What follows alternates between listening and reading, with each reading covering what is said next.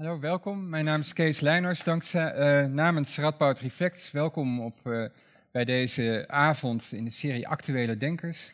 Eh, deze avond gaat over Giorgio Agamben, de Italiaanse, inmiddels 73-jarige Italiaanse filosoof die, ehm, ja, ik denk dat je mag zeggen, in Nederland met een hele harde, snelle carrière bezig is.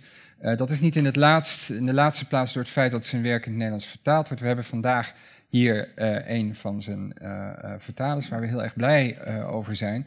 Giorgio Agamben is een heel invloedrijke denker, een denker die over heel veel dingen heeft nagedacht. Een denker die concepten aanlevert waar je ook heel veel mee kunt, maar hij is ook best een hele moeilijke denker. Hij citeert heel veel bronnen uit heel veel verschillende contexten, beweegt zich op een behoorlijk abstract niveau. Dus uh, ja, ik hoop zelf ook vandaag uh, heel veel uh, te leren over wat we met die concepten, met de begrippen van deze Italiaanse filosoof kunnen. En daar worden we bij geholpen door twee zeer in Agamben thuis zijnde mensen. We beginnen met een kort verhaal door Iper de Boer. Iper de Boer is promovendus aan de VU en werkt aan een proefschrift over Giorgio Agamben en heeft een boek van... Of, een serie uh, uh, opstellen van Agamben, Profanaties, verschenen bij Boom. U kunt het straks daarbuiten kopen. Misschien wil je signeren even. ja, namens Agamben. Een hele goede Nederlandse vertaling met een heel goed nawoord ook. Uh, waar door Ipe zelf, waar uh, het boek in de context uh, wordt gezet. Ipe gaat iets vertellen over het vertalen van Agamben, of het project van Agamben. En dan René ten Bos, hoogleraar filosofie van de managementwetenschappen hier, die al langere tijd bezig is met het werk van Agamben, maar dat opnieuw ook weer gaat doen, aan het doen is. En die zal een wat langer verhaal houden over hoe we toegang kunnen, krijgen tot die wereld, tot die begripswereld van Giorgio Agamben. En daarna is er gesprek uh, tussen beiden en uh, is er ook gelegenheid tot vragen stellen uit de zaal. Ipe, mag ik jou uitnodigen om spits af te bijten?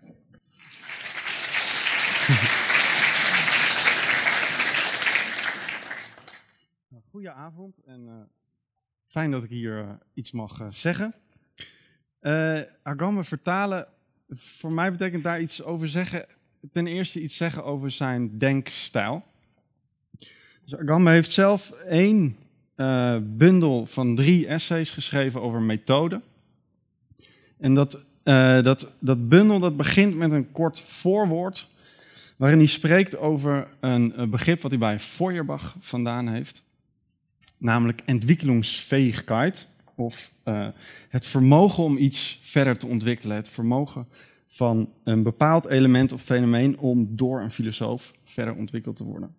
Dit principe is eigenlijk heel belangrijk in Agamben's werk zelf. Dus zoals al gezegd is, uit verschillende tradities, verschillende disciplines door de hele geschiedenis, westerse geschiedenis heen, uh, plukt hij eigenlijk informatie, uh, fenomenen, uh, kunst, literatuur beschrijft hij natuurlijk, filosofie, maar ook theologische traktaten. En wat er gebeurt in de analyses of de interpretaties van Agamben, is dat hij steeds op zoek is in het werk of het fenomeen wat hij analyseert, naar dat element, dat aspect, wat eigenlijk vraagt, wat uitnodigt om verder ontwikkeld te worden.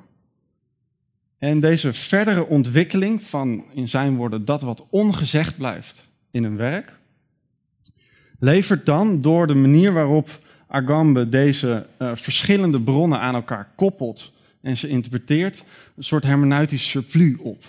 Wat zoiets wil zeggen als dat door het interpreteren Agambe uh, zo ver gaat en zo uh, um, diep gaat in de stof, dat op een gegeven moment niet goed meer te zeggen is of dit uit het werk van dat, of uit het geanalyseerde werk afkomstig is, zijn uitspraken, zijn inzichten, of dat het veel eer van de analysant van Agambe zelf afkomstig is, het inzicht. Deze zone waarin eigenlijk het geanalyseerde en degene die analyseert door elkaar heen gaan, dat is waar uh, Agambe naar op zoek is. En dat is, waar hij, uh, dat is voor hem de plaats van de originaliteit.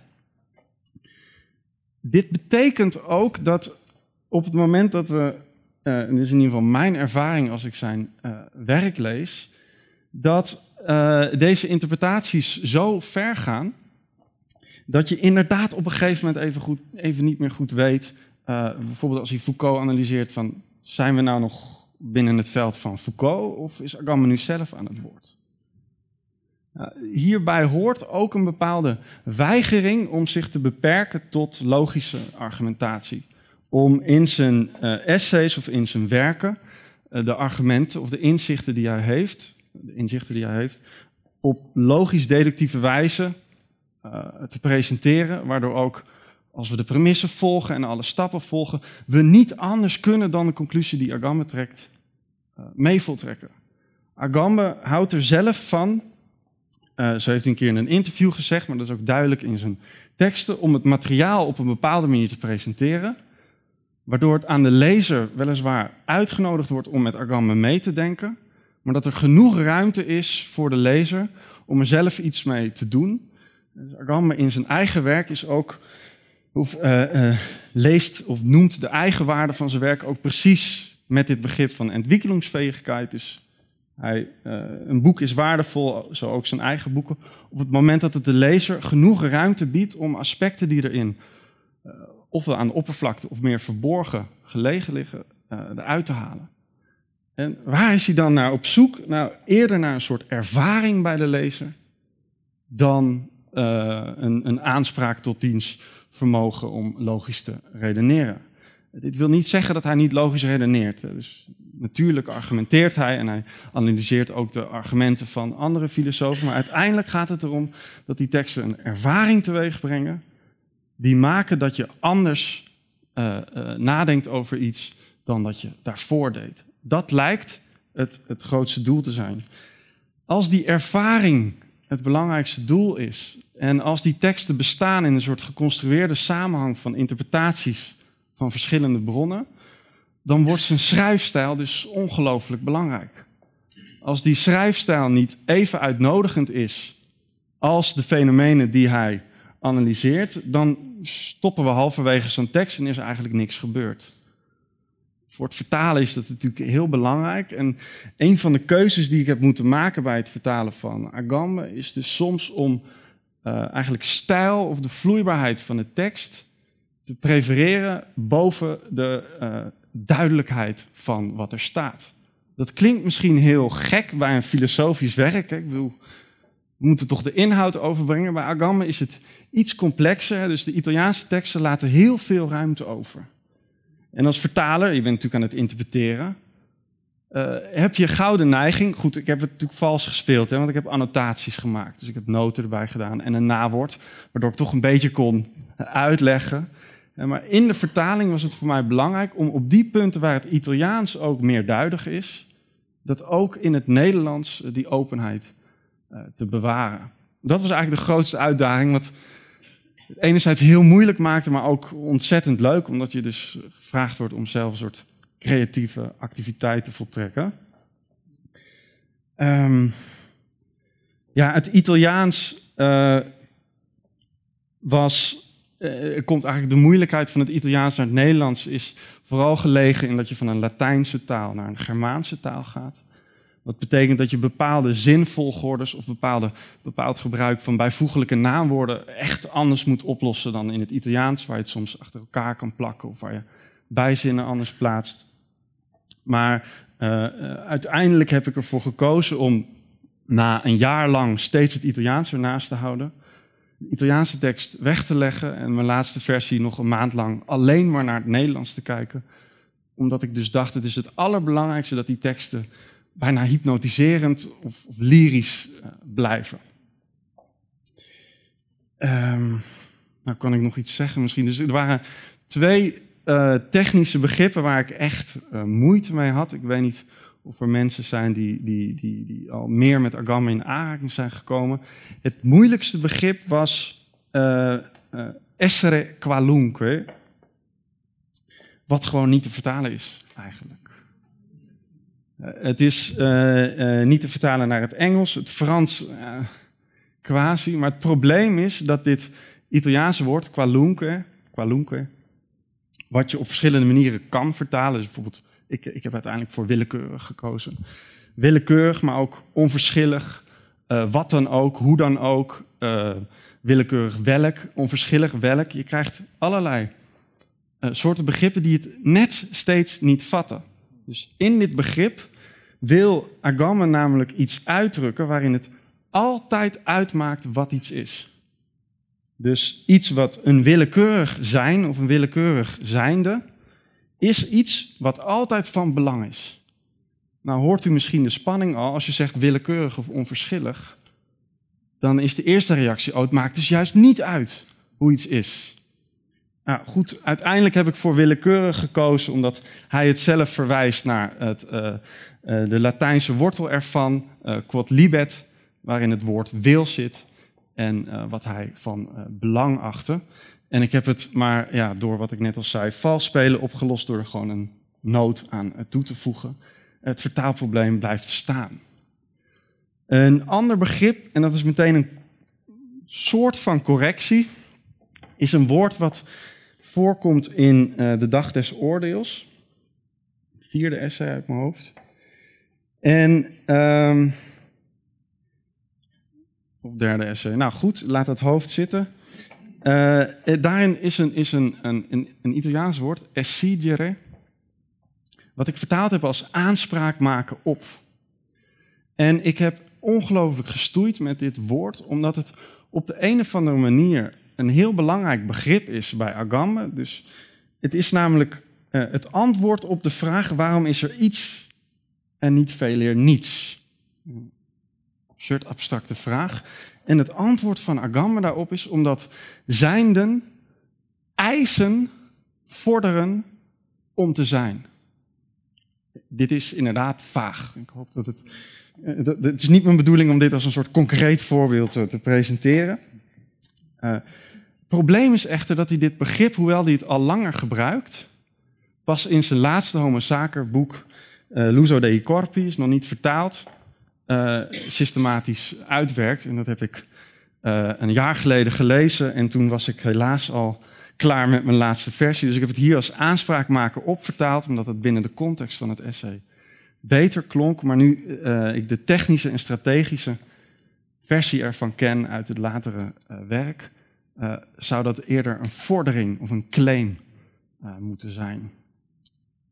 verder heb ik er ongelooflijk van genoten, vooral de verbazing, het is mijn eerste vertaling, dat het zo'n creatieve activiteit is. Dat het echt dat het een, een, spel is ook. Dank u wel.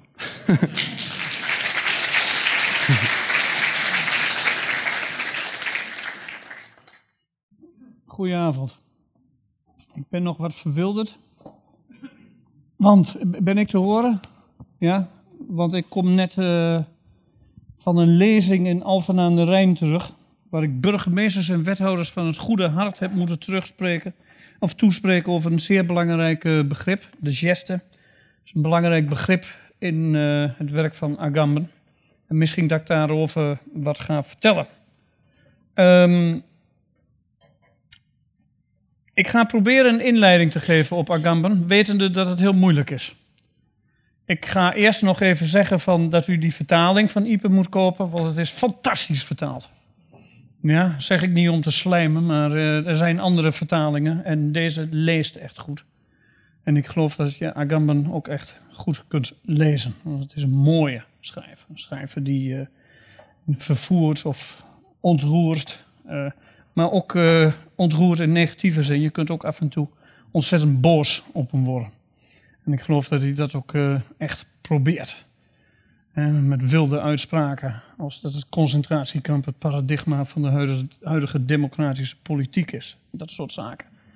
En dan moet hij dan, dan weer uitleggen waar dat vandaan komt. Maar daar wil ik het allemaal niet zo over hebben. Um, ik heb drie citaten uitgezocht. En die drie citaten die wil ik uh, een beetje met elkaar verbinden. Dus dan moet u ze goed onthouden. Drie citaten.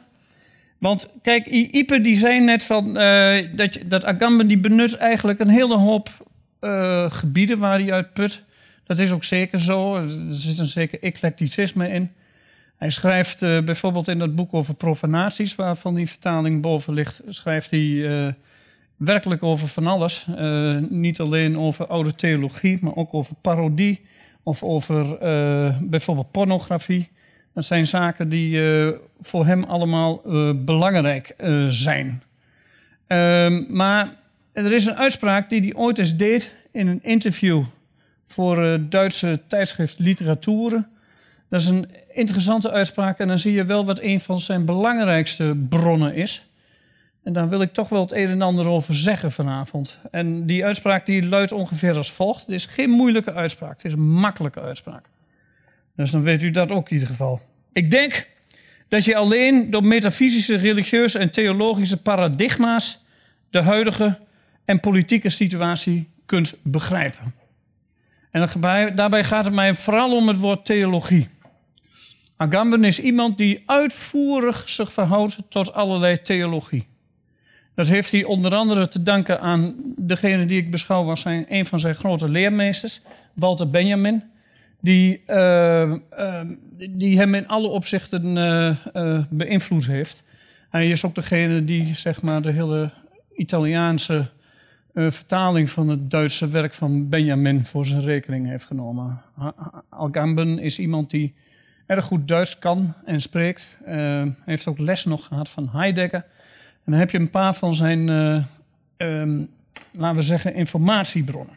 Dus die eerste uitspraak, ik denk dat je alleen door metafysische, religieuze en theologische paradigma's de huidige politieke status kunt begrijpen. Dus om te begrijpen wat er vandaag de dag aan de hand is, moet je Aldus Agamben bijvoorbeeld helemaal terug naar, laten we zeggen, de oude christelijke denkers. Om maar eens iets te noemen. Je kunt ook terug naar Aristoteles, maar die oude christelijke denkers die zijn voor hem zeer belangrijk geweest.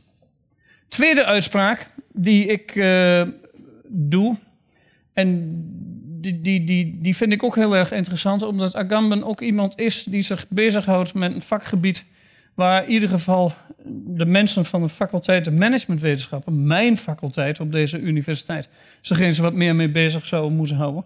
Agamben doet ook zeer interessante uitspraken over de bedrijfskunde. En een van die uitspraken komt uit het boekje Regna e Gloria.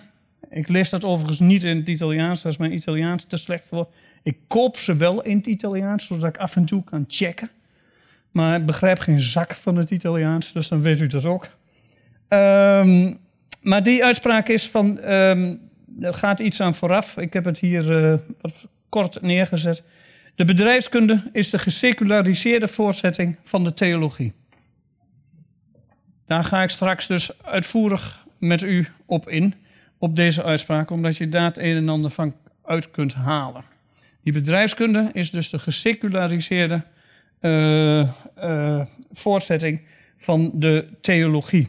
Daar zit ook een ander zeer belangrijk woord in, uh, namelijk secularisering. En secularisering is een concept dat bij Agamben niet echt positief benaderd wordt. En ik hoop ook te laten zien waarom dat het geval is. En dan derde citaat, dat een stuk ouder is. Het eerste citaat kwam uit 2005, dacht ik, dat interview in literatuur. Dit citaat kwam uit, ik dacht 2007, Renja Gloria, 2008, zoiets. Um, derde citaat komt uit een uh, ouder boek van hem. Uh, dat bekend staat als uh, The Coming Community, de, de, gemeenschap die komen gaat. Agamben is in veel opzichten ook een gemeenschapsdenker. En dat gaat ongeveer als volgt.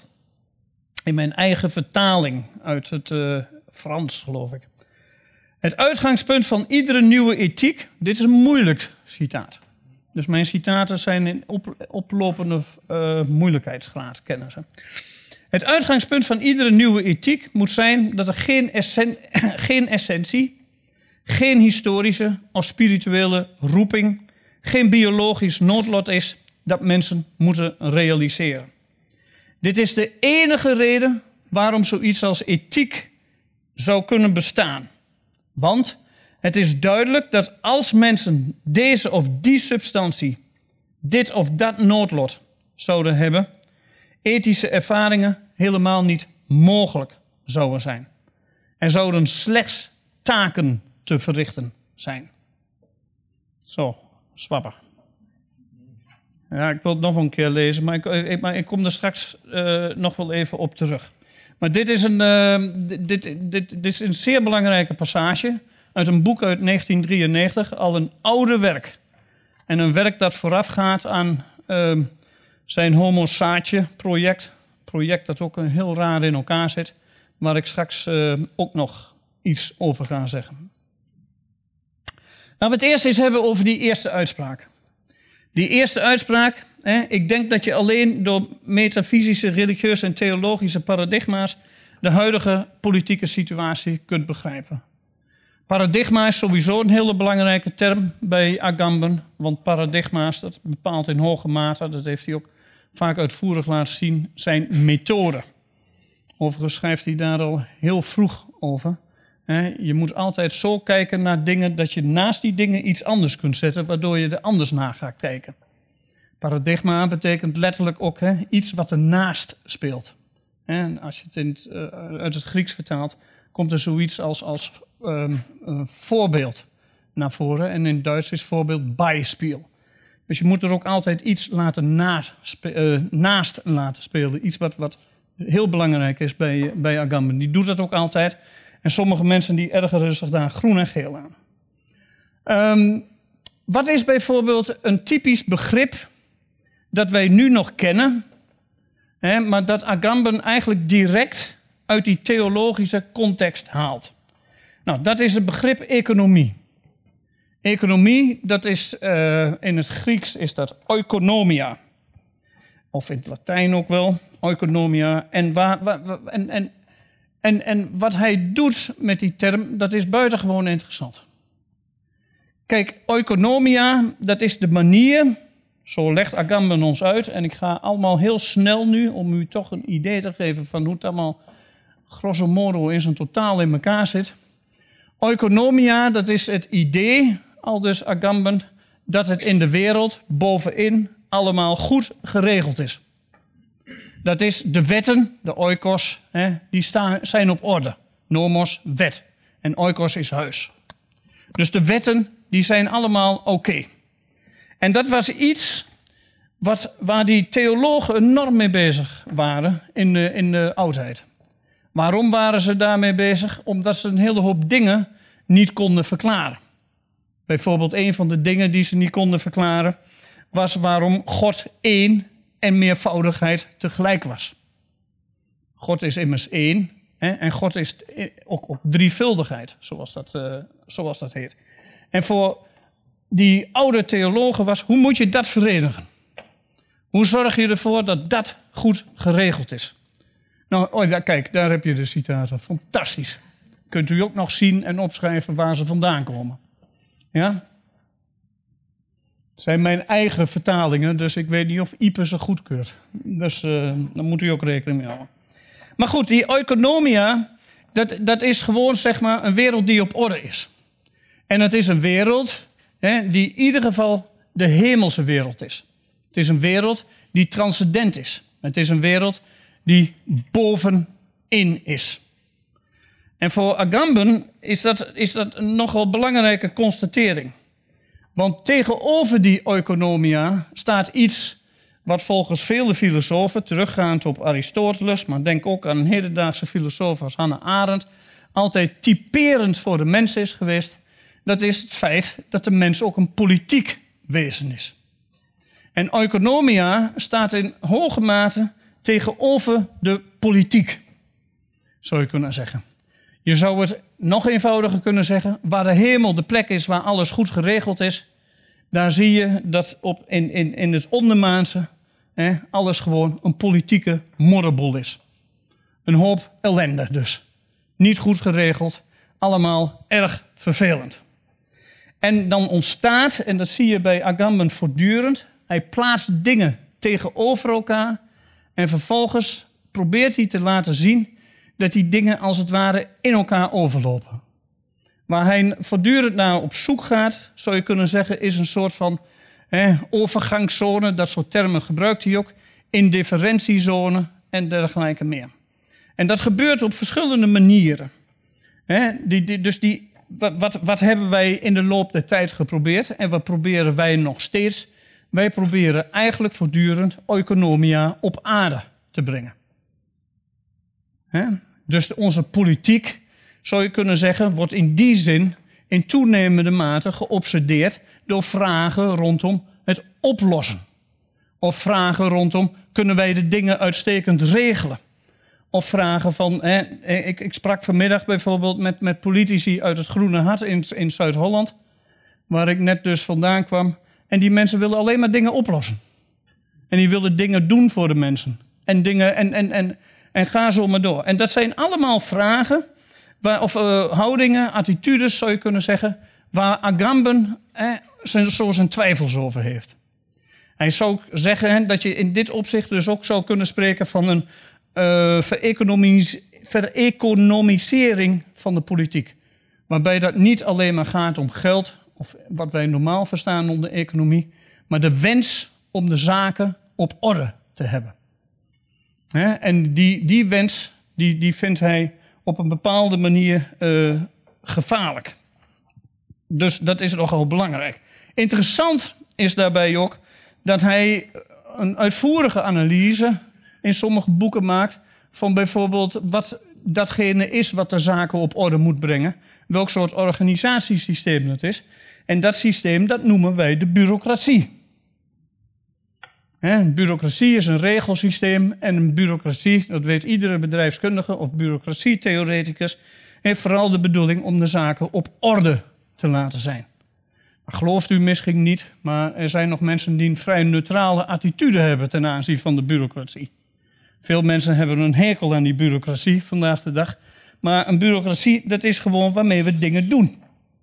En zonder een bureaucratie zou bijvoorbeeld een heel democratisch stelsel niet goed kunnen functioneren. Want in een democratie heb je mensen nodig die uh, niet alleen maar dat doen wat ze willen doen, die bereid zijn om een persoonlijke wil als het ware op te heffen en gewoon dat te doen wat zeg maar de maatschappij wil of het parlement wil. Dat soort zaken. Het is ook heel erg interessant dat Agamben op dat moment, als hij over bureaucratie gaat praten, vooral ook praat op een, op, op, een theologische manier. Want hij wijst erop dat de manier waarop die oude christelijke theologen, ik heb het dan over Tertullianus, uh, Irenaeus, hè, waarop die mensen dat allemaal dachten, dat het eigenlijk het hele begrippenapparaat van onze huidige bureaucratische systemen heeft bepaald. Nou is Agamben zelf de eerste om toe te geven dat als je een woord gebruikt als, als uh, administratie, dat het in de oude christelijke tijd misschien een toch wat andere betekenis had als nu. Maar tegelijkertijd, dan zie je weer dat, dat, dat verbinden, tegelijkertijd zit daar ook een, uh, een, een soort van, van uh, overgang in. Een soort constante die er altijd was. Ik noem maar wat voorbeelden. Um, um, je hebt twee soorten engelen in, het hele, in de hele hemelse of christelijke hiërarchie. De ene soort engel, die, die, die wordt omschreven als, als, als uh, assistent van het woord assistare. En dat is degene die zit er rondom omheen. Daar komt ons woord assistent dus vandaan. Daar zit het woordje zitten in. Dat is iets wat je goed bij managers kunt voorstellen overigens. Wat doet die assistare? Die probeert hè, de ideeën van managers op de een of andere manier te schouwen. Die probeert op de een of andere manier die ideeën te, te, te, uh, te begrijpen. Dan heb je nog een tweede soort engelen. En die, engel, en die engel die noem je dan de administrator. Waar ons woordje administratie vandaan komt. En geloof het of niet, maar administratie, dat betekent letterlijk, en Agamben is onder andere ook leuk om te lezen, omdat hij dat soort humor ook wel tentoonspreidt, dat betekent letterlijk de kleine bediende. Iets wat we met de administratieve rondslomp van vandaag de dag vrij moeilijk vinden voor te stellen. Engel komt van achelos en dat betekent boodschappen. Dus wat doen die mensen in die hele systemen? Die geven boodschappen door. Kleine bediendes doen dat, dat zijn de administratoren. En, en, en de engelen doen dat, dat zijn de assistenten. En dat zijn nog steeds woorden die we kennen. Nou, daar, daar kun je heel veel over zeggen. En ik wil, dat, ik, ik, ik wil het daar ook een klein beetje uh, bij laten. Maar hij werkt dat helemaal uit. Volgens hem is bureaucratie in zekere zin identiek aan angelologie.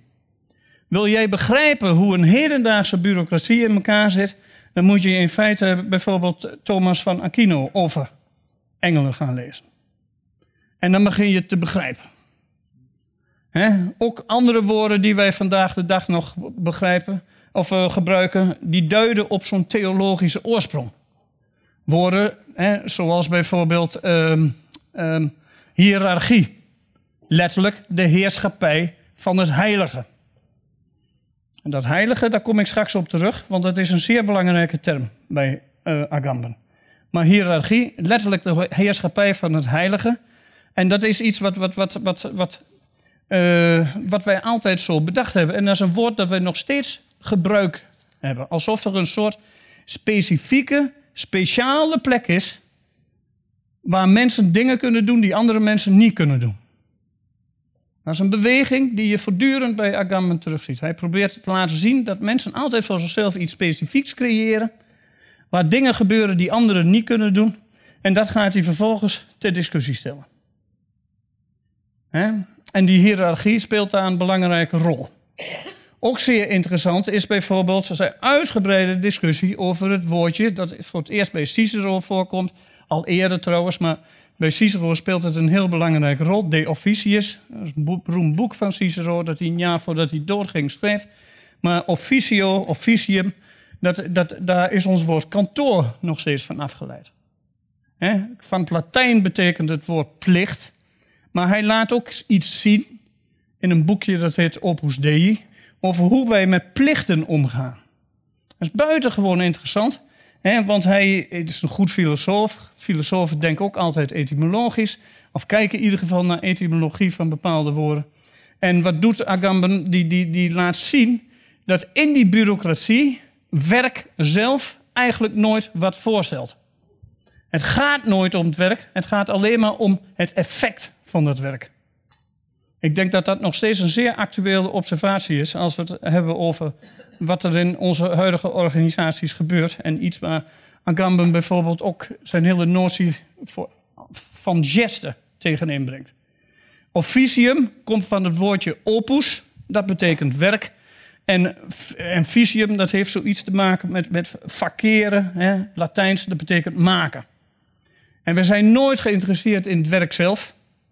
Er zijn bepaalde morele tradities waarin we zeggen dat werk iets is wat mensen verheft, hè, nobel maakt of iets dergelijks. Maar dat blijkt in die bureaucratische traditie nooit interessant. Vandaag de dag zie je voortdurend dat we alleen maar geïnteresseerd zijn in de effecten van het werk. Om het concreet te zeggen, hè, wie hier werkt op een academie weet het allemaal. Het interesseert zich geen reet wat je schrijft als je maar publiceert. Hè, zoiets het gaat uiteindelijk alleen maar om het effect of het resultaat. En niet, zou je kunnen zeggen, om de inhoud. dat kom je dus, dat, en dat zit al in dat woordje, officium, zit dat al in. Een woord dat vaak identiek, uh, in identieke zin met, met bureaucratie of iets dergelijks gebruikt wordt. Er zit dus met andere woorden ook in die economia iets wat je zou kunnen omschrijven als een soort van doelgerichtheid. En Agamben is iemand die probeert om die doelgerichtheid, die je door de hele samenleving ziet trekken, alleen maar nadenken over resultaat, alleen maar nadenken over uitkomsten. Die bestuurders die ik vanmiddag toesprak, die waren daar typische voorbeelden van. die, die, hij probeert daar gaatjes in te schieten. En hij wijst er bijvoorbeeld op dat de politiek helemaal niet zo doelgericht is. Daar komt die notie van geste komt daar in. Geste, een gebaar. Niet zozeer iets doen, hè? Niet fakeren, maar gereren hè? in het Latijns. Gérer in Frans betekent ook nog zoiets als dingen regelen. In het Franse woord voor management is la gestion. Hè? Dus je kunt, je kunt dit soort dingen allemaal met elkaar verbinden. Het gaat dus ook om hoe wij dingen regelen en organiseren. En wat is een geste volgens uh, Agamben? Een geste is in feite een handeling die niet een eenduidig doel voor ogen staat. Daarvan zijn heel veel voorbeelden te noemen. He, een van de voorbeelden is, is, is, is bijvoorbeeld een, een, een uh, excuus aanbieden. Een excuus is een geste. Maar als ik bijvoorbeeld met u een rottigheidje uithaal en ik rij u half dood met een dronken kop en ik word door mijn advocaat gesommeerd om een excuus aan te bieden, en u heeft ook nog maar het enige gevoel, enige gevoel dat ik daar een doel bij voor ogen heb. Bijvoorbeeld van uh, strafvermindering, omdat ik dan spijt betoon, dan gaat u vanzelf al denken van, daar klopt iets niet. Dus je moet bij gestisch handelen niet zozeer een doel voor ogen hebben, dus ook niet zozeer denken in termen van effecten. Dat is, dat, dat, dat is een van de belangrijkste zaken die je hebt. Hetzelfde geldt voor bijvoorbeeld voor andere gestes die tegenwoordig nogal bekend zijn. Hè? Denk ook maar eens aan vertrouwen. Als je iemand vertrouwt, of je vertrouwt iemand echt, dan impliceert dat automatisch dat er niet ervan op aan kunt wat voor uitkomsten dat heeft. Iemand vertrouwen betekent in feite, als je met Agamben redeneert, en hij schrijft ook over dit soort dingen, hè, betekent in feite dat je je openstelt voor meerdere mogelijke uitkomsten. Ja, dat, dat, dat, betekent het. In zekere zin. Ik weet niet of ik dat met Agamben bezig ben, maar straks in het gesprek kunnen we, of eens ben, maar straks in het gesprek kunnen we misschien nog wel zien uh, hoe, hoe we hier eventueel gaatjes in kunnen schieten. Dus die politiek wordt door hem ook omschreven als de sfeer van de geste. En als iets wat doelloos is, als iets wat middel zonder doel is. Iets wat hij ook koppelt aan de Kantiaanse esthetiekopvatting. Maar daar gaan we het maar even niet over hebben, want dan wordt het te ingewikkeld. Maar het zit bij, bij, bij Agamben zit die, die, dat idee van doelloos handelen, hè, dat dat een element is van alle vormen van politiek, dat vindt hij dus ontzettend belangrijk. Hij noemt daarom ook politiek, hè, of een zuivere politiek, dat geeft hij ook wel toe, ook, ook, ook een, een, middel zonder doel. Dat is ook een van zijn bekendste boeken, hè, Mezza senza fine, hè, middel zonder doel. Sprak ik dat een beetje goed uit? Geweldig zelfs. Nou, hè, dus, uh, maar dat is, dat, dat, dat, die geste is een middel zonder doel. Het is interessant. Hè? Wat, wat, betekent dat bijvoorbeeld? Hè? Ook hier weer twee kleine voorbeelden. Een voorbeeld dat ik haal uit het werk van Sloterdijk, die ergens schrijft van... het zou eigenlijk terug moeten naar een situatie waarin een arts ook een soort middel zonder doel was. Dat wil zeggen een arts op het Chinese platteland die alleen maar betaald krijgt... en gaat dat de verzekeraars maar eens vertellen... op het moment dat de hele populatie gezond is. Ja, dat, dat, dat, dat, dat, dat is dus dan, dan ben je een zonder doel. Of vertel dat maar eens aan bestuurders. Dat de eigenlijke bedoeling van hun werk, dat het eigenlijk een bestuurskundig credo is. Wat het minimum is van alles wat met bestuur, gezag en dergelijke te maken heeft. Namelijk dat je jezelf overbodig maakt. Ik sprak ooit eens voor bestuurders van de ROC van Amsterdam. En die vroeg ik toen eens een keer, waar kikken jullie nou meer op? Op die skybox die jullie hebben bij voetbalclub Ajax op 500 meter afstand gelegen. Of op het werk voor die scholen zelf. Ja, dat vonden ze een stoot onder de gorrel. en dat is, en, en, en, maar, maar daar zit dus iets, iets ja, dat, dat is iets heel vreemds. Dat is dus iets heel geks. Mensen die dus denken dat ze daar zitten ook om hun eigen doelen te verwezenlijken. Denk eens na als je een politicus hebt en die zegt gewoon: van ik zit hier voor mijzelf. Maar zouden we dat geen fijne politicus vinden. Politiek, en in die zin moet je Agamben zien, politiek is de sfeer van het zuivere midden. Maar we zitten te midden van een wereld die alleen maar denkt, hè, niet in termen van middelen, maar in termen van uitkomst, in termen van verkeren, in termen van resultaat. Daar protesteert Agamben tegen. En hij zegt daarom ook hè, dat, dat, dat de invloed daarvan niet alleen theologisch is, die economia waarin alles goed geregeld is, met oog op efficiëntie, maar ook, zie dat tweede citaat, ook heel erg bedrijfskundig is. Bedrijfskunde, dat begrijpen de meeste mensen misschien niet, maar bedrijfskunde is volgens Agamben een grote bedreiging voor onze samenleving. En niet iets, we zijn geneigd om daar altijd wat gebonneerd over te doen. Maar uh, ik werk dagelijks met bedrijfskundigen. En uh, ik geloof dat ik wel weet wat hij bedoelt. Dus dan weet u dat. Ja, nou zit daar een woordje in dat ook heel belangrijk is als het gaat om Agamben. Hè? In die zin, de bedrijfskunde is de geseculariseerde voortzetting van de, uh, van de theologie. Dat is het woordje secularisering. Want meestal zijn wij geneigd om een religie te plaatsen tegenover secularisering. dan zijn, nou, dat hebben wij ook allemaal geleerd. bijvoorbeeld als we het hebben over de seculiere staat in Frankrijk en dergelijke. Maar voor Agamben is dat niet noodzakelijkerwijze, of zelfs, ik moet dat sterker uitdrukken, is dat helemaal niet het geval. Heel vaak wijst hij erop dat de theologie zich eigenlijk voortzet in onze samenleving, juist ook in niet-religieuze sferen. Dus wat die theologen bedachten over economia, dat zie je nu in quasi non-religieuze of seculiere sferen gebeuren in de bedrijfskunde. Je hebt af en toe bij Agamben het idee dat hij een soort conspiratie ziet, waarbij de theologie, zonder dat ze zichzelf nog als theologie of religie of wat dan ook willen omschrijven, zich eigenlijk aan een, eh, op een bepaalde manier voortzet in allerlei gedaanten. Of om het anders te zeggen, precies zoals een, een, een, een religieus mens nog vertrouwt op God, op iets hogers, op iets transcendents en dergelijke, vertrouwt ook de geseculariseerde manager op iets hogers, op iets transcendents, op iets hiërarchisch. Dat stuurt dat hele gedrag aan. En van dat gedrag, zegt Agamben, daar moeten we eigenlijk van af. En dat is voor hem heel belangrijk. En hoe doe je dat dan? Dat doe je niet zozeer door te seculariseren. Even een opmerking tussendoor.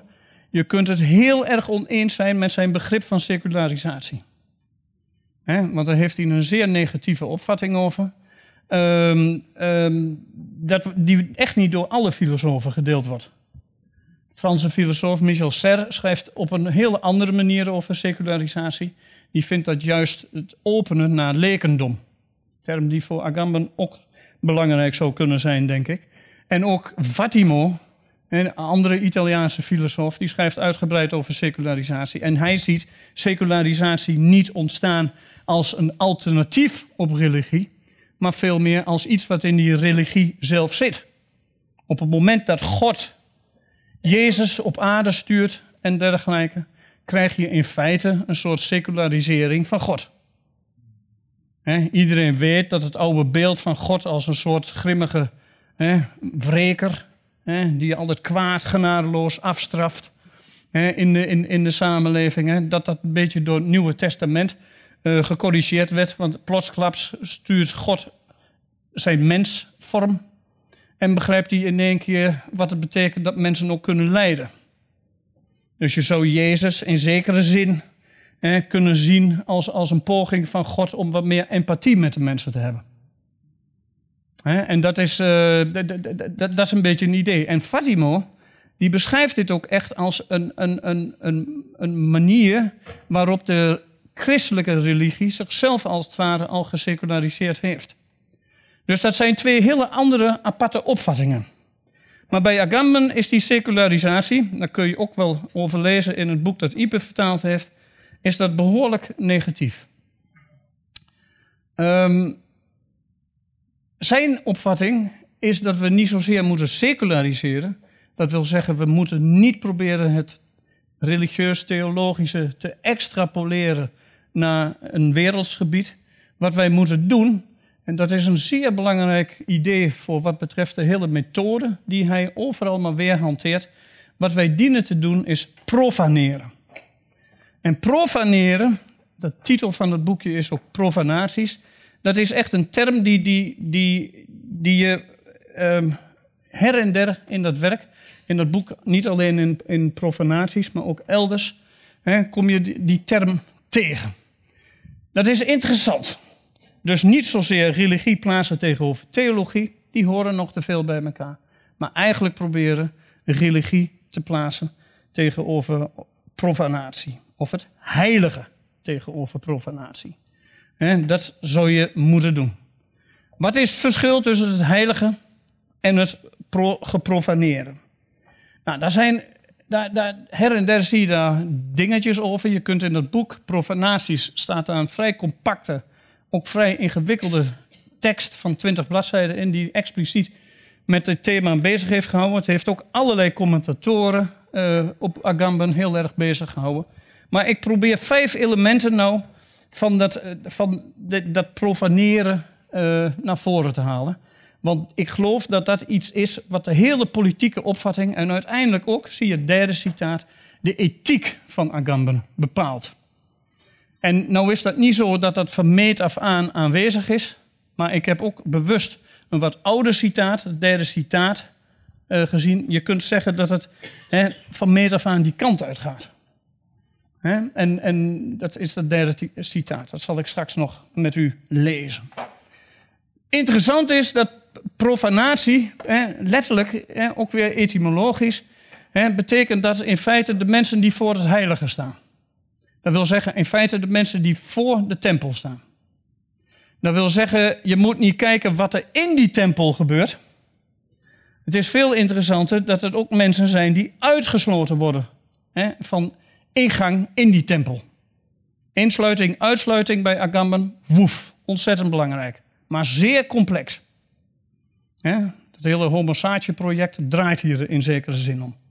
Hè, maar maar ehm, de, de, de, het is vooral interessant hè, in de oude tijd. Tempel, ook van het Grieks afgeleid. Hè, dat is afgezonderd, daar mag je verder niet in. En weet ik veel wat. Alleen sommigen, ingewijden, hè, consecrated. Hè, de heiligen die mogen daarin, hè, de machtigen. Maar de meeste mensen mogen daar niet in. Maar het is juist zo interessant om te kijken wat er gebeurt voor die tempel. Al dus Agamben.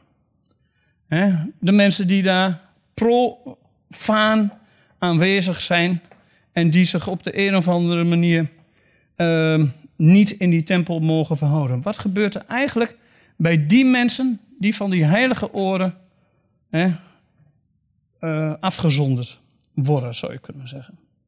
Nou, voor Agamben is profanatie in de eerste plaats, ik ga vijf dingen noemen, is in de eerste plaats het vrije gebruik van dingen.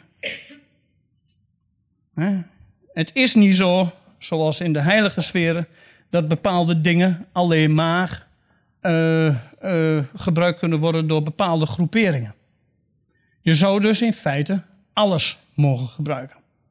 Sommige mensen hebben ook hierom wel eens beweerd dat als alles door iedereen zomaar gebruikt kan worden, dat dat bijvoorbeeld het einde van zoiets als eigendom zou betekenen. En Agamben is ook wel eens verdacht van communistische sympathieën, wat dat betreft. Maar het, het, het, het, idee is, er is nooit een speciale groep mensen die het recht kan claimen van dit is van ons. En jullie blijven hier weg. Dat hoort eigenlijk niet. En dat zit ook in zijn gemeenschapsdenken uit de vroege jaren negentig, zou je kunnen zeggen. Die ruimte voor die tempel, dus die profane in plaats van sacrale ruimte, dat is in de tweede plaats, is dat ook een ruimte waar niemand uitgesloten wordt. Als dat een sfeer is, hè, die, die profane ruimte, hè, die zelf uitgesloten wordt van een sacrale ruimte, dan wordt de politieke taak van de toekomst om sacraliteit en profaniteit en om het hele verschil tussen die twee als het ware op te heffen. Hier zie je wederom een motief. Hij plaatst begrippen tegenover elkaar en wil ze vervolgens, dat heb ik al eerder gezegd, met elkaar verbinden. Of laat zien dat een overgangszone tussen die beiden is. En dat doet Agamben eigenlijk overal. Woorden als overgangszone, een hele belangrijke term is soglia, dat is eh, drempel. En eh, dat komt ook, er zijn voortdurend drempelzones. En daar is hij voortdurend naar op zoek, naar die drempelzones. Dus dus eh, als hij het heeft over uitsluiting, dan, dan wijst hij er bijvoorbeeld op dat degenen die nu uitsluiten ook zelf in de toekomst uitgesloten kunnen worden. Dat is iets waar je bijvoorbeeld, wat met betrekking tot de mensen hier anderhalf kilometer verderop, die vluchtelingen natuurlijk ook een interessant thema is en wat vaak ook verbonden wordt met zijn hele homosaatje-project. Ik denk zelfs dat je in sommige opzichten zijn hele exploratie van de bureaucratie kunt zien. Wat zijn de mensen die er eigenlijk voor zorgen dat zoiets als uitsluiting gegenereerd wordt? En uit naam waarvan? Maar dat zijn moeilijke kwesties. Het komt er ook neer in de derde plaats om, om het heilige gewoon niet langer te erkennen. Dus ik geloof zelf dat er in, en, en ik weet niet of iedereen dat met me eens is, maar ik geloof zelf dat er in Agamben een bijna Deleuziaanse, de Franse filosoof Deleuze, neiging is of een voorkeur is voor wat hij noemt uh, immanentie. Het is ook erg interessant dat een van de allermooiste artikelen die Agamben ooit geschreven heeft en die opgenomen is in de bundle Possibilities, of uh, Potentialities, sorry. En dat dat echt een stuk is dat gaat over het hele immanentiebegrip van uh, Gilles Deleuze. En dat wil zeggen, er zijn geen. Je moet je handelingen niet laten leiden door iets wat hoger is, door iets wat jouw baas is, of door een bepaald soort idee. Je moet alleen handelen in het hier en nu. Dat, dat, dat is het hele idee. Een miskenning van alles wat met heiligheid uh, te maken heeft. Nou, uit, daar volgt als het ware vanzelf het vierde element van die profanatie uit.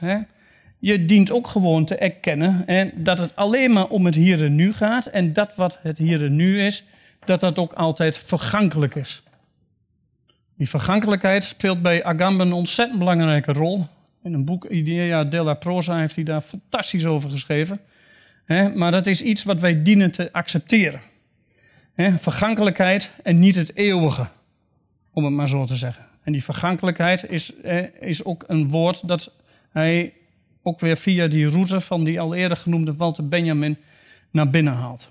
Dat, zit dat, dat, dat speelt bij hem dus ook een, een, een, een belangrijke rol. Openstaan voor het hier en nu en voor de vergankelijkheid. Weg met die dingen die erboven hangen. Weg met bijvoorbeeld identiteit. Weg met substantie. Weg met nationaliteit. In zekere zin. Dat moet je allemaal, dat, dat moet ons handelen niet bepalen. We moeten zo handelen alsof we allemaal elkaar gewoon zien als singulariteiten. En niet als jij bent man, jij bent vrouw, jij bent die nationaliteit, jij bent daar vandaan en ga zo maar door. Misschien heel interessant om die affaire van vorige week, toen een jongen met Noord-Afrikaans uiterlijk zich opsloot in een, in een, in een, in, in een uh, wc op de trein. En die vervolgens tot een uh, infarct van het treinverkeer rondom Rotterdam heeft geleid. Om dat eens in Agambiaans perspectief te zien. Want het ging om een jongen, zoals de machinist zei, met Noord-Afrikaans uiterlijk. U heeft geen Noord-Afrikaans uiterlijk. Wat zou er gebeurd zijn als u zich opsloot in die wc? Hm? Ook zo'n paniek? Dat is dus interessant. Hè? Dat zijn dus de vragen. Wij gaan er meteen vanuit. Iemand komt ergens vandaan, boep. En dat is dus heel goed. Doet mij ook het denken aan, aan... Ik kreeg ooit eens een lift van de meneer. Ik was als student toen ik nog lifte. Later denk ik daar allemaal over terug, in de sfeer van Agamben. Ik, ik, kreeg ooit eens een lift van een meneer. En op een gegeven moment kon ik het toch niet nalaten om te vragen, waar komt u vandaan? Het was een hartstikke gezellig gesprek en toen wilde ik toch weten waar hij vandaan kwam. En toen vroeg hij mij van, wat denk je? Ja, Turkije, dacht ik. Bleek het een Griek te zijn. Einde gesprek en dat, dat, dat, dat, dat, is, dat, dat, dat zijn ehm, dingen van, van. Wij willen altijd weten waar mensen vandaan komen, wat hun identiteiten zijn en dergelijke meer. En daar doen we zelf ook aan mee. En Agamben pleit eigenlijk ook voor een soort van identiteitsvrije gemeenschappelijkheid tussen mensen. Gemeenschap van singulariteiten, zoals hij dat noemt. Of een gemeenschap hè, die, die, hij ook associeert met dat begrip waar Ieper het net al over had, quod libet. Het maakt niet uit waar iemand vandaan komt. Het zou niet moeten uitmaken. Is natuurlijk, en ik hecht er wel aan om dat te zeggen, zijn visie hierop. ik bedoel, ik vind het heel moeilijk voor te stellen, denk ik. Misschien is dat ook een discussiepunt voor straks. Om je gemeenschappen te denken zonder enige vorm van identiteit. Wat zijn dat voor gemeenschappen? En, en, en, en kan dat? En dat is een uh, interessante gedachte en, en, uh, en, en dat zijn spannende ideeën. Kan er überhaupt politiek bestaan, hè? zoals ook een belangrijke invloedsbron van uh, Agamben zei, hè, die niet gebaseerd is op insluiting en uitsluiting? Carl Schmitt, de Duitse filosoof. Nou, Agamben die denkt daar allemaal toch een beetje anders over. Geen vaste machtsverhoudingen, geen transcendente waarheden, identiteiten. Heel sympathiek misschien, misschien ook heel utopisch. Tegelijkertijd is hij hartstikke anti-utopisch. Want utopie, dat is ook een idee in je kop hebben die jou gaat leiden ergens naartoe. En dat zou je ook niet moeten hebben. Maar zouden wij echt allemaal elkaar als singulariteit kunnen zien? Of wat voor Agamben dus ook heel belangrijk is, dat wij elkaar niet zozeer zien als mensen die onder een hoger gesternte vallen, maar puur als mogelijkheden of als potenties. Hij heeft al eens een keer gezegd, hè, in, ook in die eerder genoemde bundel Potentialities, eigenlijk ben ik een filosoof hè, van, van, van het woordje kunnen. Alles bij mij draait om mogelijkheden. En die mogelijkheden die moeten zo open mogelijk zijn. Wat er is voor een gemeenschap is alleen maar openheid, is alleen maar mogelijkheid. Politiek zou alleen maar moeten streven naar mogelijkheid. Nou, dat zijn actuele vraagstukken, hier wat abstract gesteld. Maar denk eens aan hoe we kunnen discussiëren over vluchtelingen, die wij vooralsnog vooral zien als een probleem. Zou je met Agamben daar misschien ook naar kunnen kijken als een mogelijkheid? Moeilijke kwesties. Dus, maar dit, dit zijn allemaal vraagstukken die belangrijk zijn. Goed, dat profanatiebegrip, profanatie hebben we nodig om, om, om, om door dat heilige als het ware heen te breken. Een belangrijke commentator, Leland de, la, de, die heeft ooit eens, of Lerantij, moeilijke naam in ieder geval. Maar die, die gast die heeft ooit eens een keer geschreven dat de hele methode van Agamben alleen maar neerkomt op, op een constante poging om alles wat wij heilig vinden te profaneren. Alles wat speciaal is, hè, om dat vrij toegankelijk te maken. Hè, alles wat, wat, wat voorbehouden is aan sommige mensen, aan elites en dergelijke, om dat hè, ook zoveel mogelijk vrij te maken. Nou, daar komt dat hele profanatiebegrip in feite van op, op, op neer. Het is bijvoorbeeld ook in dat boek dat Ipe geschreven heeft erg interessant hoe die profanatie bijvoorbeeld ook verbindt met pornografie. Of ook weer niet verbindt met pornografie. En daar zit ook een, eh, een, een, een interessante gedachte in. Maar dat is ook in feite het vrije gebruik van lichamen. Om maar eens te zeggen. In principe. Of in de coming community zie je ook dat, dat hij gek genoeg ook iets, een bepaald soort sympathie heeft voor bijvoorbeeld de gedachte dat wij onder het kapitalistische stelsel allemaal consumenten zijn geworden. Natuurlijk vindt hij dat barbaas op de een of andere manier, maar wat hij daar interessant aan vindt, is dat die gedachte dat wij consument zijn helemaal niks met identiteit te maken heeft. Het zal een bedrijf worst wezen of je uh, zijn producten afneemt, of, of, of, of, zijn producten afgenomen worden door een dame in burka, door een, uh, door een andere moslimfundamentalist, of door een libertijn, of door een VVD'er, of door een PvdA, of door een PVV'er. Dat maakt niet uit, als je maar koopt. Dus daar zitten allerlei moeilijkheden in die ik zie bij Agamben. Die, die, die ook, dan kan ik ook wel bevestigen wat Ipe daarover zegt. Je hebt af en toe niet de indruk dat het een heel erg strak, coherent, logisch geheel is. Zijn vaak gedachten. En dit is een van de moeilijke gedachten. In ieder geval geloof ik wel dat hij streeft naar een soort van ethiek die, um, die voorbij, zeg maar, die, die, die, die, die uh, roepingen gaat. Die voorbij die visies gaan, die voorbij substantie gaan, voorbij idealen, voorbij uh, grote visies en dergelijke meer. En daarom heb ik dat moeilijke derde citaat toegevoegd. Dat al langer oud is, maar dat volgens mij zeer belangrijk is. En we gaan dat nog eens een keer hardop voorlezen. Het feit dat het uitgangspunt moet zijn voor alle discussies over ethiek, is dat er geen essentie, geen historische of spirituele roeping, dus al dat transcendente valt weg, geen biologisch noodlot, dat is ook een vorm van transcendentie, is dat de mensen moeten uitvoeren of realiseren. En dit is precies de enige reden waarom zoiets als ethiek, ethiek dus als puur oog hebben voor mogelijkheden en singulariteiten, hè, zoiets als ethiek kan bestaan. Want het is duidelijk dat als mensen deze of die substantie, dit of dat noodlot, zouden zijn of zouden moeten zijn, dat er dan geen ethische ervaring mogelijk is.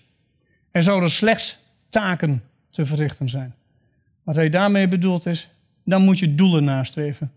En onderworpen aan die doelen is helemaal niks anders dan een soort van taakverdeling, efficiënt handelen en dergelijke meer. En daar moeten we al dus Agamben vanaf. Ik hoop dat u dit interessant vond en ik dank u zeer.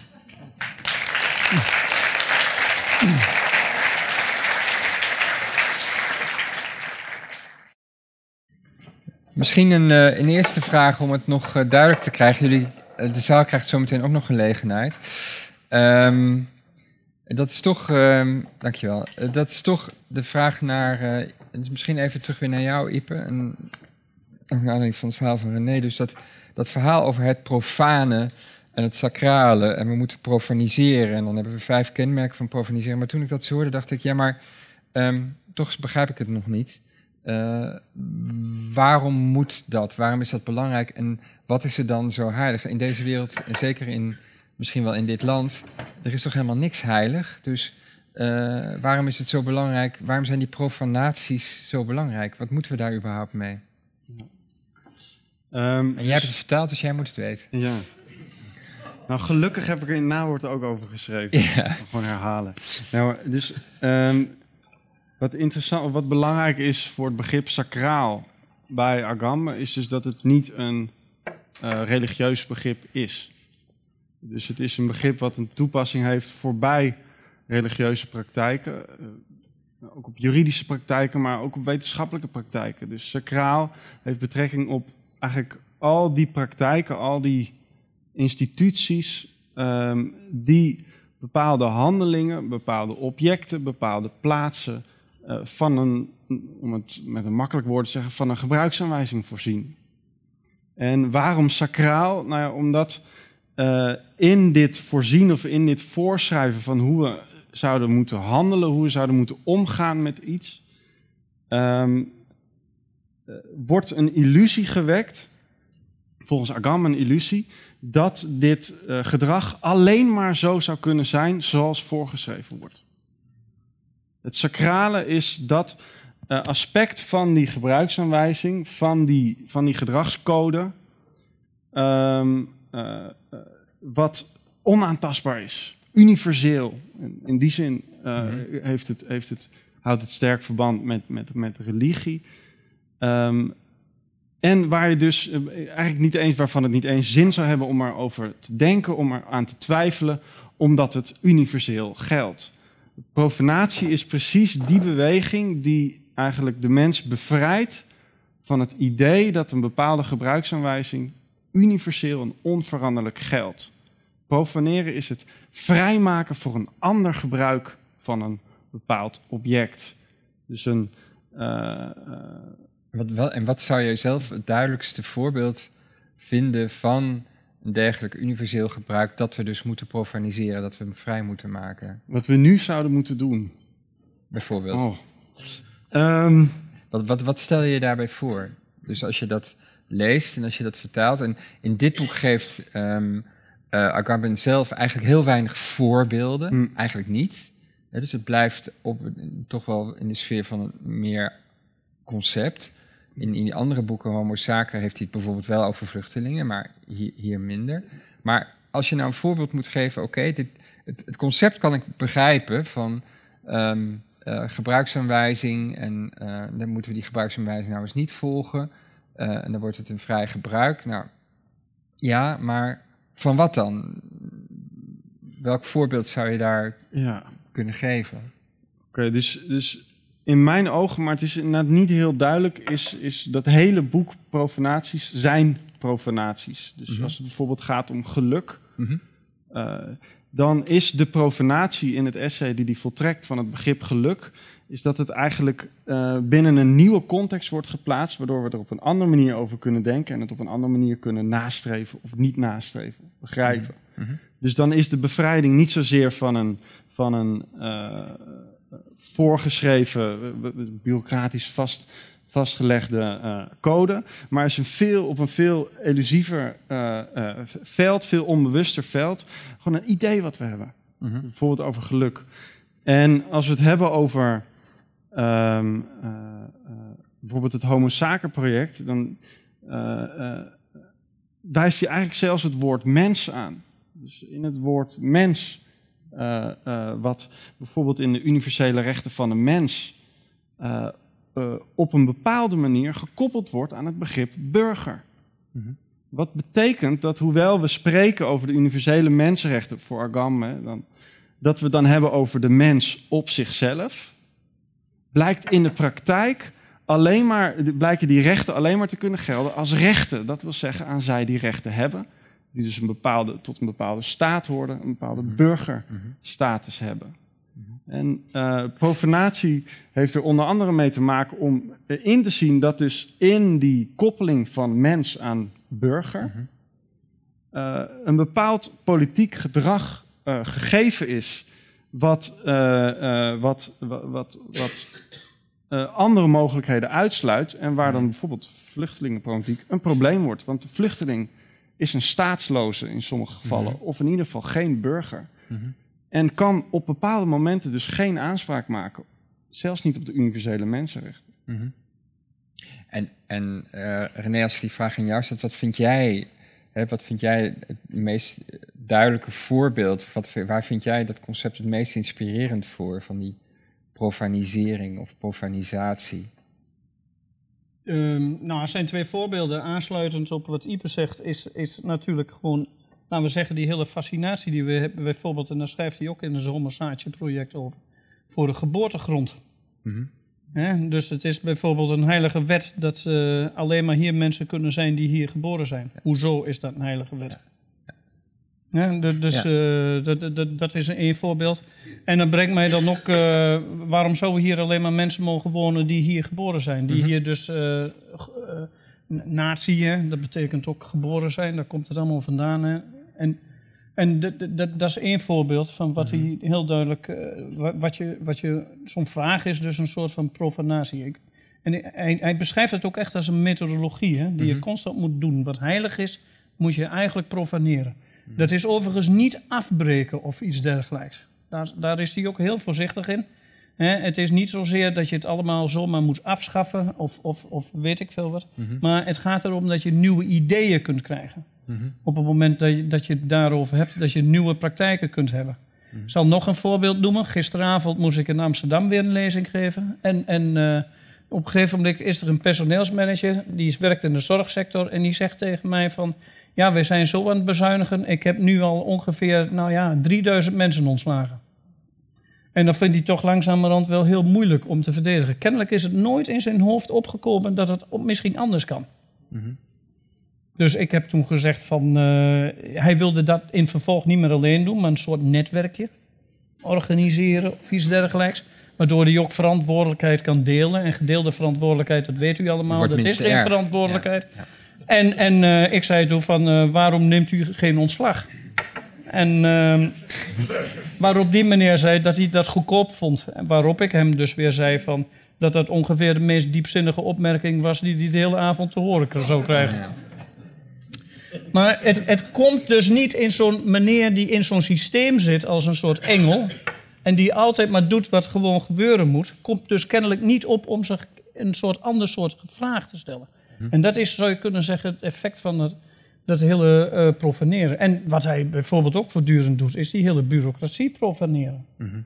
He, want, want het is terecht wat daar gezegd wordt. Sacraal is dus in feite dat wij altijd maar denken dat he, als er ergens geen geld voor is, dan moet je bijvoorbeeld de parken dicht doen. Of dan moet je bijvoorbeeld de, de, de, die bibliotheken dicht doen.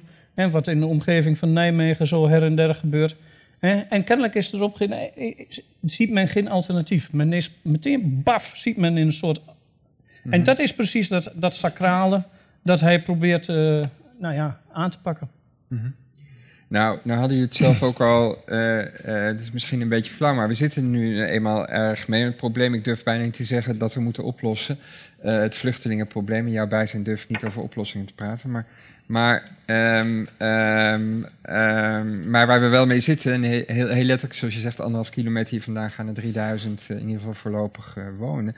Uh, jullie hadden het allebei over, jullie noemden allebei even min of meer te lopen, ook een ander begrip wat geloof ik wel heel erg belangrijk is. Het begrip van mogelijkheid of potentie en potentialiteit. En ook uh, van, een, van een potentialiteit die niet per se uh, op een bepaalde manier gerealiseerd gaat moeten worden. Die ook misschien een soort tussentoestand is, die niet helemaal reëel is, maar ook niet helemaal een, een abstracte potentie is. Zou je, kunnen, zou je dat ook kunnen gebruiken om te kijken naar, naar waar we nu mee zitten met die vluchtelingen? Een soort van tussentoestand, ook een soort noodtoestand van die mensen zelf natuurlijk, maar ook van onszelf. Want het blijkt dat onze regels en um, onze systemen dit eigenlijk ook helemaal niet aankunnen. Hè. We, moeten, we moeten nu naar allerlei nood, letterlijk naar allerlei noodgrepen uh, grijpen om dat te doen. Zou, zou dat een manier kunnen zijn waar je Agamben zeg maar ook kunt toepassen op dit probleem? Of zit ik er dan helemaal naast? Uh, René misschien? Ja, ik weet niet of je Agamben kunt toepassen. um, ik, ik, ik, denk dat toepassen ook weer zo'n term is die, die de mogelijkheid van een soort efficiëntie of, of iets dergelijks genereert. Ik, kijk, van de leuze is het idee dat, dat een goede filosoof is, een, is, een, is, is iemand die een bepaald soort beeld bedenkt. Mm En dat beeld dat, dat je bedenkt, dat, dat, dat draag je verder gewoon voortdurend met je mee. Mm En als je dat beeld ziet en constant voor je ogen houdt, dan, dan, dan heb je misschien ook wel kans dat je daar uiteindelijk ook op de een of andere manier naar gaat handelen. Ik denk dat bij Agamben zoiets ook wel aanwezig mhm. is. Ik weet wel, toen ik jaren geleden voor het eerst homo zaken las, toen dacht ik echt van, dat geeft nou een beeld mhm. aan al die mensen die op de een of andere manier uitgesloten zijn, die op de een of andere manier niet mee kunnen doen, waarvan de menselijkheid op de een of andere manier ter discussie mhm. gesteld wordt, waarvan de burg, het burgerschap ter discussie gesteld, uh, gesteld wordt, enzovoorts, enzovoorts. Bij homo zaken zag ik in één keer bedelaars op straat, zag ik broodvluchtelingen, want die had je toen ook al uh, enzovoorts, enzovoorts. En ik, ik denk dat dat een van de grote waarden is. Dat, dat, ik, ik denk altijd, uh, ik had daar laatst nog over met, met mijn vriend Henk Oosterling. En van, van uh, wanneer maak je mensen nou bewust van maatschappelijke problemen? Bijvoorbeeld dat een hoop van die eilanden in de grote oceaan echt naar de kloten gaan. Mm -hmm. ja? en, en dat die mensen daar hun bestaan niet meer zeker zijn. Als gevolg van de zeespiegelstijging. Dringt niet door in de koppen. Maar als je het eenmaal ziet, mhm. Als het ware, dan gebeurt er iets interessants. En ik denk dat, dat, dat Agamben dus heel erg sterk is in het evoceren van, uh, van beelden. En uh, dat dat eigenlijk ook de grote verdienste is van het hele Homo Saken ja, maar, dan ga ik dus niet vragen naar toepassing, maar dan wel naar wat is dan specifiek hier het beeld wat, wat we niet moeten toepassen misschien bij die vluchteling, maar wat hier het be beste helpt om hier over na te denken. Hoe, hoe, hoe zie je dit beeld dan heel concreet? Ja, je ziet, uh, ik zie heel concreet wat ik net zei. Ik zie mensen van wie de menselijkheid ter discussie gesteld was. Mm -hmm. net alsof ze geen vol, vol, uh, volwaardige existentie kunnen genieten. En de ergste, dat legt hij dan ook allemaal uit. In, uh, de ergste vormen van politiek zijn er natuurlijk ook altijd op gebaseerd dat je mensen zo neerzet alsof het uh, minder dan mensen zijn of alsof het zeg maar minderwaardige mensen zijn. Dat wil dus zeggen dat het ook mensen zijn van wie je dus absoluut niet een mogelijkheid wilt erkennen. Mhm. Maar wat doet Agamben voortdurend is laten zien dat daar wel mogelijkheden in zitten. Mhm. Precies zo, hè? en dat verbindt hij bijvoorbeeld met soevereiniteitsbegrip. Soevereiniteit definieert hij ergens hè, als de mogelijkheid om bepaalde mensen uit te sluiten dat, dat is soeverein, maar hij waarschuwt ook altijd dat degenen die nu uitsluiten ook in de toekomst uitgesloten worden. Mhm. Of om een, een heel eenvoudig voorbeeld te geven, anders moet je maar inspringen, Ipe. Maar dat, dat, dat, dat, mijn vader ging een paar jaar geleden dood en op een gegeven moment vraagt de, de, de, de, de arts in het ziekenhuis, want het gaat ook over comateuze mensen, zullen we de stekker er maar uittrekken? Mm En ik had bijna zoiets doet zelf. Mm want daar word jij als het ware voor betaald. Maar als je Agamben leest, dan zul je begrijp je ook dat, dat ik toen ook in één keer in de gaten had. Dat vroeger of laat mijn eigen kinderen dezelfde vraag gesteld krijgen. Mhm. Dus je ziet steeds, en ik heb dat twee keer proberen duidelijk te maken, steeds die, die, die, die constante omslag die, die, die er gebeurt. En, en, en, ehm, en van, van ehm, wat uitgesloten is, kan weer ingesloten worden. Wat ingesloten is, kan weer uitgesloten worden. En, en dergelijke meer. Het is dus eigenlijk nooit gefixeerd. Het is nooit vast. Mhm. En, en, en dergelijke meer. Oké. Dus het is een hele dynamische kijk. En, en ik denk dat beelden daarbij dus, dus eh, heel nuttig zijn om die dynamiek eh, te begrijpen. Ja, Iep heeft ook wat, je hebt ook wat gezegd over de schrijfstijl. Dat die eigenlijk ook Ja. bedoeld is om dat soort beelden te genereren. Ik zou Of- er kort iets aan Ja. Dus, dus, ja, graag. ehm, eigenlijk, dus de, de denkfiguur van Agama, als hij het heeft over zo'n concreet probleem als de vluchtelingen, is eigenlijk tweeledig, denk ik. Dus enerzijds, dus de vluchteling is op een bepaalde manier zo'n indifferentiezone tussen dat wat we als een politiek waardig leven zien, wat we alleen maar kunnen eh, aanduiden in onze termen via de burger, en een politiek onwaardig leven, gewoon eh, louter leven. En deze, eh, eh, of dierlijk leven zou je zelfs nog op een bepaalde manier kunnen zeggen. De vluchteling is in beide categorieën niet goed in te delen. En komt dus op een zone waarin het onderscheid tussen mens en dier of mens en onmenselijk niet goed meer toe te passen is. Nou, eh, strategisch gezien hebben die indifferentiezones twee functies. Enerzijds is het opkomen van zo'n indifferentiezone in een concreet voorbeeld betekent dat het failliet van de machine, het failliet van het schema waarmee we doorgaans de werkelijkheid indelen. Dus de vluchteling is het failliet van eh, eh, de nazistaat of, of het, het, eh, het burgerbegrip. Op een bepaalde manier zelfs de universele rechten van de mensen, dan wordt het discutabel. Dat is de ene functie, dus hij wijst aan, we hebben op een bepaalde manier steeds gedacht. En nu hebben we hier een concreet figuur wat we met die oude manier van denken niet meer kunnen vatten. Dat betekent dat we hier iets hebben waardoor we een, een aanleiding hebben om op, op een nieuwe manier te denken. En ten tweede zoekt hij in deze, eh, in deze, eigenlijk deze problemen van oude systemen, die dus, eh, dus enerzijds als problematisch, eh, in een problematisch karakter worden aangewezen, daar is ook de hoop gelegen. Mhm. Dus het is precies in die indifferentiezones, maar ik ben het met je eens René, eh, hoe dat er dan concreet vervolgens uitziet, is echt moeilijk en, en, en eh, niet duidelijk. Vaak niet duidelijk bij Agamben. Maar die indifferentie, indifferentiezones verwijzen volgens Agamben naar een andere manier van handelen, een andere manier van denken, die het denken tot nu toe nog niet als basis heeft genomen voor een manier van samenleven, voor een ethiek. En dus enerzijds daar waar het fout gaat in het oude denken, eh, moet ook de aanleiding gezocht worden voor een nieuw denken. Nogmaals, hoe dat nieuwe denken er dan uitziet, eh, is extreem complex. Daar zijn we met z'n allen denk ik heel hard mee bezig om dat te zien. Eh, nou ja, het is maar misschien kan ik daar nog heel even aan toevoegen. Dat, dat, dat voor Ag- Agamben, hè, Heidegger is een grote invloed. En hij heeft Ja. hij ook wel over geschreven. Eh, de, de, de, dat, dat, wat denken eigenlijk is. Hè, en, en, en voor Agamben is denken, en, de, en dat, dat echoot hij ook bij, bij eh, daar echoot hij echt Heidegger, is denken eigenlijk de belangrijkste activiteit. Mhm. En wij zijn voortdurend geneigd om denken en doen van elkaar te scheiden, maar hij heeft prachtige stukken geschreven over wat eigenlijk praxis is en weet ik veel wat. En dat, dat, dat zijn ook vaak oudere stukken, Mhm. maar, maar, maar laten we het eenvoudig houden hier. Hè. Het, alle activiteit begint in feite met denken. Denken is dus de belangrijkste activiteit. Mhm. En, dat, is- dat, en die beelden die, die zetten daar in ieder geval toe aan. Maar nogmaals, eh, als je uitgaat van een strikte scheiding tussen eerst denken dan doen of zo, dan kun je met Agamben helemaal niks. Dat gaan we dus maar niet doen. Want eh, Ja. wat, we, wat, wat, wat we gaan doen namelijk... is we hebben nog heel kort voor vragen van jullie. Eh, wacht, steek je hand op en wacht tot de microfoon is... en spreek duidelijk in de microfoon. Hier zie ik een eerste hand omhoog gaan. Ja, eh, zeg maar anders, ik herhaal hem anders wel even. Nou, ik wil een vraag stellen over het begrip geste. Ehm, u heeft gezegd dat is een handeling zonder doel. Dus bijvoorbeeld excuses aanbieden. Maar eh, excuses aanbieden heeft toch wel degelijk een doel. Door bijvoorbeeld relaties te herstellen of zo. Ja, dus de vraag is...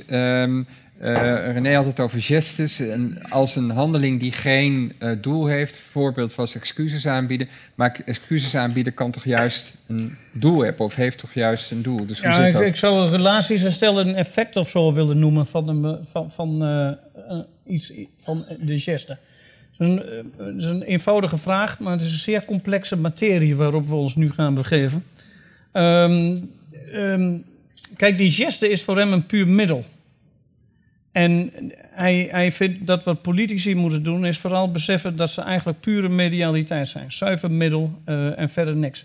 Ze mogen geen doel bij zichzelf hebben. En doelmatige, hè, wat, wat, wat, wat, je, wat, je, wat je hier ziet is, hè, als ik bijvoorbeeld mijn excuses aanbied en ik zou de bedoeling hebben hè, dat ik er dan bijvoorbeeld van af ben, denk maar eens aan de excuses van zakenlui.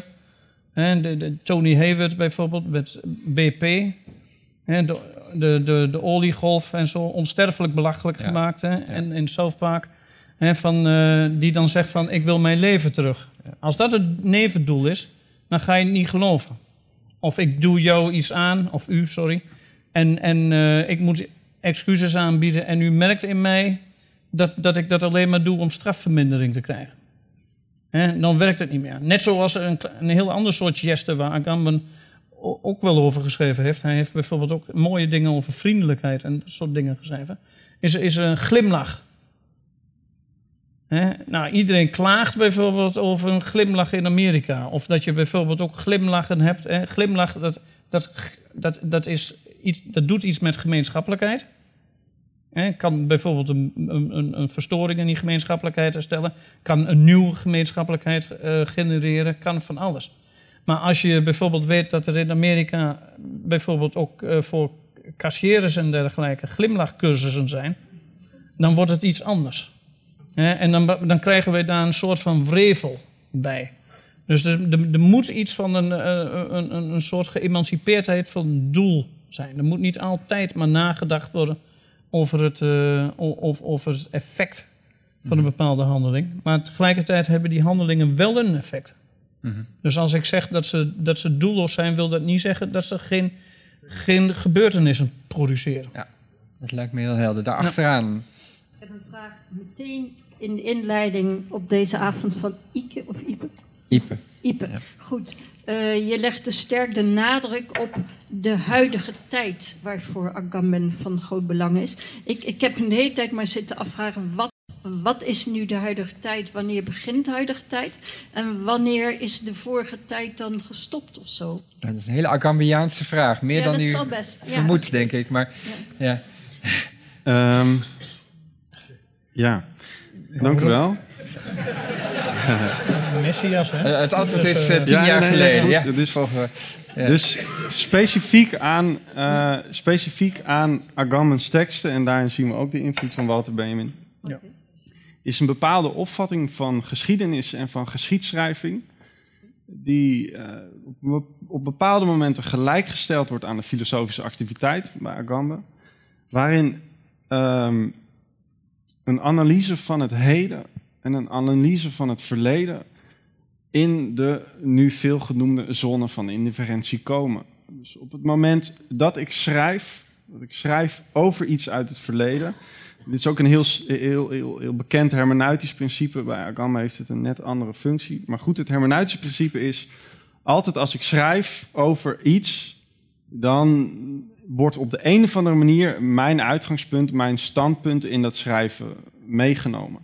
Huidige tijd is in deze zin eh, tijd van schrijven, maar ook tijd van lezen op het moment dat we zo'n eh, eh, tekst lezen. Daarnaast spreekt hij natuurlijk concrete, actuele feiten aan. En daarmee bedoel ik laat 20e eeuw en 21e eeuw ook. Mhm. Ehm, maar ook, dus hij heeft bijvoorbeeld een boek geschreven over de Franciscanen. En dat boek, dat blijft nagenoeg alle pagina's in die tijd, in, in, in, de bloeitijd daarvan, wat is het, 12e, 13e eeuw? Eh, pin me er alstublieft niet op vast. Ehm, en tegelijkertijd is de manier waarop hij daar spreekt eh, eh, van direct belang voor bijvoorbeeld die, die uitspraak over ethiek die hierboven staat. En daarmee voor hoe we nu eh, zouden moeten leven. Op een bepaalde manier zouden we kunnen zeggen dat Agamben erop uit is om het verleden op zo'n manier te lezen dat het dus eh, de, de invloed die het heeft op het heden eh, naar voren komt en dat we daar, ons daartoe kunnen verhouden. Oké, er is daar, dacht ik. Kun je nog even je. Ja, daar moet die microfoon even. Ja, hij komt van de andere kant. Ja.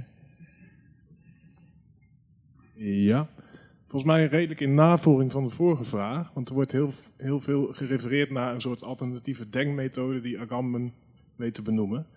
Uh, in de werken die ik heb gelezen, en ik heb profanaties helaas niet, nog niet gelezen in ieder geval, is hij niet zozeer op zoek naar een alternatieve denkmethode, maar probeert hij de weg open te breken om op een andere manier na te kunnen denken. En dat is volgens mij wat ik in, in misschien wel zijn vroegere werken vooral lees. En is dat niet juist precies wat hij doet ook met het spanningsveld tussen analyse en bekritiseren van analyse van geschiedenis van de filosofie? Dus niet zozeer een alternatieve methode bieden, maar meer de weg openmaken om alternatieve mhm. denkmethodes te kunnen ontwikkelen. Mhm. Ja. Dus Go. Uh, ja. en nee. Uh, dus er zijn citaten die, uh, die je uitspraak ondersteunen. tegelijkertijd is dat woord komende, waar hij het steeds over heeft, dit moet de komende generatie voltrekken, dit is de komende, voor de komende gemeenschap, een specifieke betekenis die niet zozeer naar de toekomst verwijst, maar ook naar het heden. Dat wordt heel complex. En um, wat er gebeurt is in die voorbereiding naar een nieuwe manier van denken, kan hij uh, een, een, een, een, grote veelvuldigheid aan fenomenen op een totaal originele manier duiden. En zouden we dus op een bepaalde manier al kunnen zeggen, bijvoorbeeld in profanaties, als hij het heeft over wat is het geluk of fotografie of Pinocchio. Ja. Uh, uh, dat, dat nieuwe denken, in die zin dat, er, dat fenomenen op een nieuwe manier verschijnen, op een nieuwe manier betekenis krijgen, voortdurend aan het werk. Maar je hebt gelijk, er blijft een soort verwijzing naar een, een, iets wat later zou komen. Misschien. Ja, die openheid die speelt vanzelfsprekend een ontzettend belangrijke rol. Maar er is natuurlijk, hij, hij heeft het precies uitgelegd, namelijk dat, dat, dat, dat in, in het boekje dat over uh, uh, zijn methode gaat. En, uh, dus ik bestrijd wel wat je zegt als, als je zegt het gaat niet zozeer om een methode. Maar het is niet een methode in, in, in, in, in de klassieke zin van het woord. Dat wil zeggen een soort van stappenplan waarmee je dus mhm. voorschrijft aan mensen hoe je dat moet doen. In die zin speelt dat helemaal niet. Maar het gaat voortdurend om, om het detecteren van wat hij zelf omschrijft als, als paradigma's. Die er op de een of andere manier nog bij wat je nu waarneemt en als het ware proberen uit te leggen. Maar uh, er nog naast kunnen uh, spelen. En daardoor wordt het voor hem ook mogelijk zeg maar, om, om, om tijd als het ware ehm, het, het, oude en het nieuwe hè, met elkaar te binden. Dat boekje over die Franciscanen, Opus Dei, dat, dat, dat, dat, daar zie je dat precies. Dan, dan, dan, zie je dat het mensen zijn die heel erg over regels nadenken, maar die tegelijkertijd ook juist voorbij die regels willen leven omdat ze in Christo mimesis wilden handelen en zo. En dan gaat het echt om wat hij dan noemt uh, forma del vita. en dat, dat, dat is levensvorm. En uh, daar denkt hij erg over na. Hè? Wat, wat, voor soort levensvorm krijgen we? Een term die ook, uh, levensvorm, die, die in de hele Duitse filosofie, Wittgenstein bijvoorbeeld, ook ontzettend belangrijk is. Maar die, die hij ook weer oprakelt. Maar dat dan, en dat is zo interessant, dat hij dat dus verbindt met zo'n kloosterorde. En dat, dat, dat, uh, waardoor je in één keer denkt, hey, dat wat toen speelde, dat speelt nu ook nog. Mhm. En als we dat zien, dan ga je misschien oude manieren van denken, ook weer nieuwe manieren. Dat betekent ook, hij heeft ook wel over tijd geschreven, dat hij duidelijk niet een, een lineaire opvatting van tijd heeft. Dat is een mooi citaat van Michel Serre over wat tijd is. En tijd moet je gewoon zien als je zakdoek.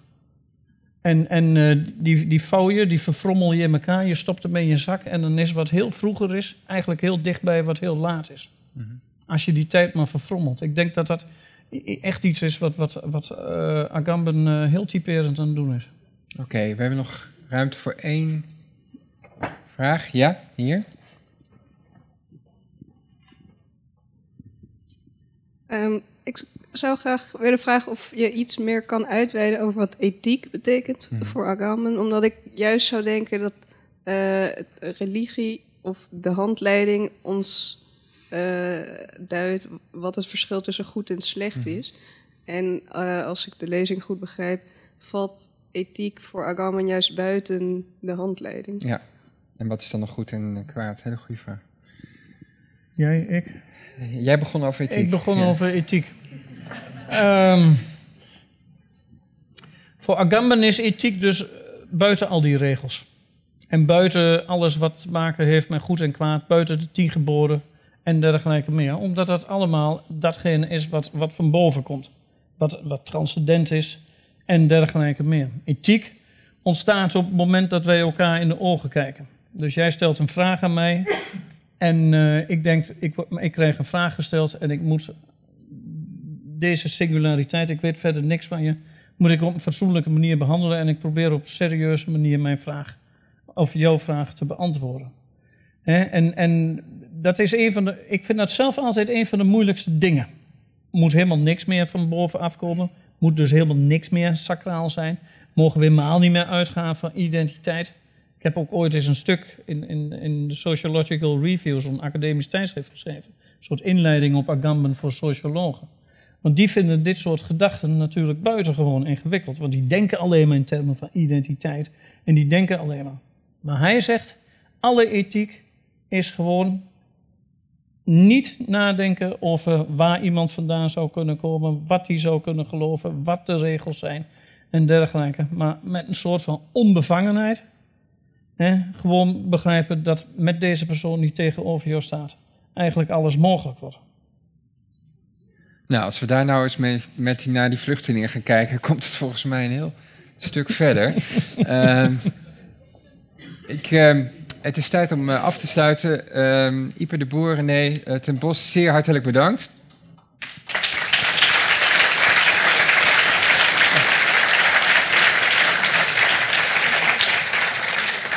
En eh, jullie bedankt voor jullie komst en aanwezigheid en belangstelling. Namens Radboud Reflex, tot de volgende keer. Een goede thuisreis. Dank jullie wel.